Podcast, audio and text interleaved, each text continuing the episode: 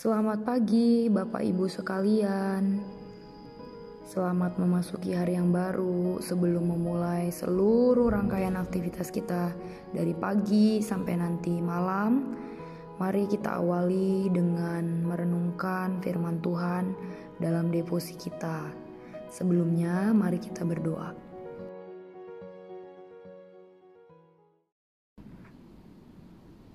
Selamat pagi Tuhan Yesus, kami mengucap syukur pagi hari ini Tuhan. Karena ketika kami membuka mata kami, kami kembali boleh melihat kebaikan Tuhan yang Tuhan nyatakan lewat hari baru dan juga kesempatan baru, bahkan berkat baru yang Tuhan boleh berikan bagi kami. Kami mengucap syukur untuk itu Tuhan. Dan saat ini Tuhan kami mohon pertolongan bimbingan tuntunan Tuhan sebelum kami mengawali seluruh aktivitas kami hari ini. Biar Tuhan yang boleh tolong kami dan tuntun kami lewat kebenaran firman-Mu yang akan kami renungkan di dalam devosi kami. Ampuni juga terlebih dahulu Tuhan kalau ada dosa dan pelanggaran yang terselip dalam hati dan juga pikiran kami. Kiranya Tuhan boleh angkat dan hapuskan terlebih dahulu supaya kami boleh layak menghampiri tahtamu yang kudus. Di dalam nama Tuhan Yesus Kristus kami sudah berdoa. Amin. Pembacaan firman Tuhan pagi hari ini terambil dari Roma 8 ayatnya yang ke-28. Kita tahu sekarang bahwa Allah turut bekerja dalam segala sesuatu untuk mendatangkan kebaikan bagi mereka yang mengasihi Dia, yaitu bagi mereka yang terpanggil sesuai dengan rencana Allah. Singkat kata, kesesakan apa pun yang kita tanggung akan mendatangkan kebaikan bagi jiwa kita. Rotan dan kasih Allah selalu datang bersama-sama. Ini merupakan pelajaran yang indah dan penuh berkat.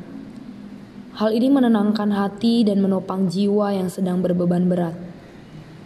Apa yang hilang secara jasmani kita raih balik di dalam jiwa. Kekayaan yang lenyap akan kita terima kembali di dalam anugerah. Demikian, kita seharusnya sanggup menanggung dan menghibur diri di dalam kedukaan terdalam kita. Ketika Allah menyingkirkan penghiburan dunia, Ia akan menguatkan jiwa dengan kasih yang terukir secara diam-diam di dalam hati kita lebih daripada orang-orang yang menang oleh Dia yang telah mengasihi kita. Roma 8 ayat yang ke-37. Melalui penderitaan, Allah mengajarkan kepada kita satu hal yang penting.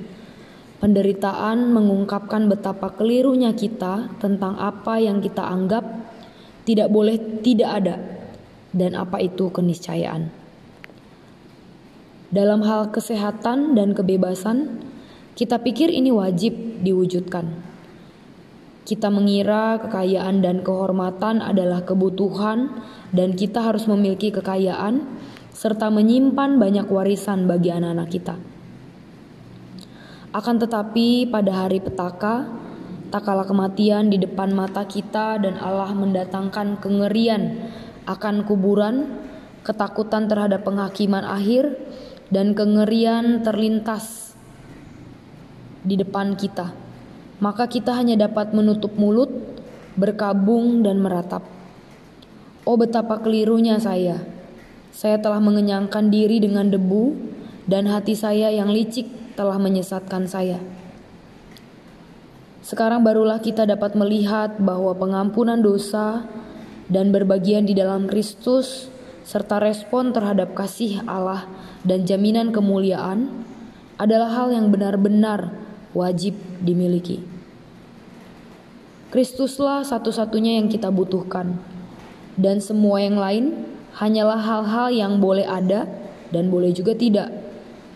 Semua harta dunia hanyalah kerugian dan sampah dibandingkan dengan kemuliaan pengenalan akan Yesus Kristus Tuhan kita. Tanpa dia, jiwa kita binasa sampai selama-lamanya. Mereka yang tidak mempelajari ini di sekolah firman akan terpaksa menjalaninya atau mempelajarinya di sekolah penderitaan apabila mereka adalah kepunyaan Allah. Yang saya dapat secara pribadi lewat renungan kita hari ini adalah Ketika saya Tuhan izinkan uh, untuk mengalami penderitaan atau kesukaran, sesungguhnya di balik itu semua Allah sedang turut bekerja dan segala sesuatu yang sedang saya alami dan jalani itu walaupun pahit adalah sesuatu yang nantinya akan mendatangkan kebaikan. Malahan saya harusnya bersyukur karena itu artinya saya adalah seorang yang terpanggil sesuai dengan rencana Allah. Nah, tapi semua yang tadi saya sampaikan itu adalah sesuatu yang sering kali saya tahu secara kognitif. Tapi pada prakteknya, hal itu nyata-nyatanya tidak mudah. Bagaimana bisa saya menderita, tetapi saya juga bersuka cita pada saat yang bersamaan. Tetapi itulah yang terjadi di dalam kehidupan kita sebagai murid Tuhan.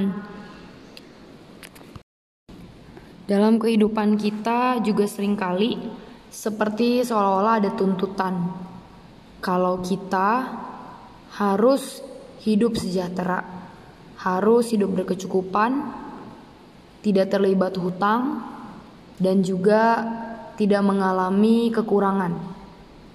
Rasanya itu wajar dan juga sesuatu yang baik juga untuk kita kejar. Nah, tapi hari ini dalam firman Tuhan dan juga renungan mengingatkan saya bahwa kalau Tuhan mau dan kalau Tuhan berkehendak, dia bisa saja mengizinkan penderitaan, sakit penyakit, dan juga kekurangan, atau malah yang membuat kita juga bisa saja berhutang. Hal itu Tuhan izinkan terjadi untuk suatu maksud dan untuk suatu rencana yang baik. Kiranya Tuhan menolong dan memberkati kita untuk mengaplikasikan firman-Nya. Terima kasih sudah bersedia mendengarkan. Tuhan Yesus memberkati kita hari ini. Mari kita bersama-sama bersatu di dalam doa. Tuhan Yesus, terima kasih untuk firman-Mu. Ajar kami Tuhan untuk kami boleh terus bersandar penuh kepada Tuhan di dalam suka, di dalam duka. Biarlah kami boleh terus mengingat Engkau dan terus menyertakan Engkau dalam setiap kehidupan kami. Sehingga duka cita yang paling berat sekalipun kami boleh tetap melihat dan merasakan kehadiran Tuhan dan bahkan di dalam sukacita pun kami boleh bersukacita karena dan di dalam Engkau. Berkati seluruh hari ini juga guru-guru, rekan-rekan kerja kami di staff dan juga seluruh murid-murid kami. Kami semua berdoakan supaya boleh berjalan dengan baik dan setiap kegiatan dan juga setiap aktivitas kami boleh berkenan kepada Tuhan. Terima kasih Tuhan, di dalam namamu kami sudah berdoa. Amin.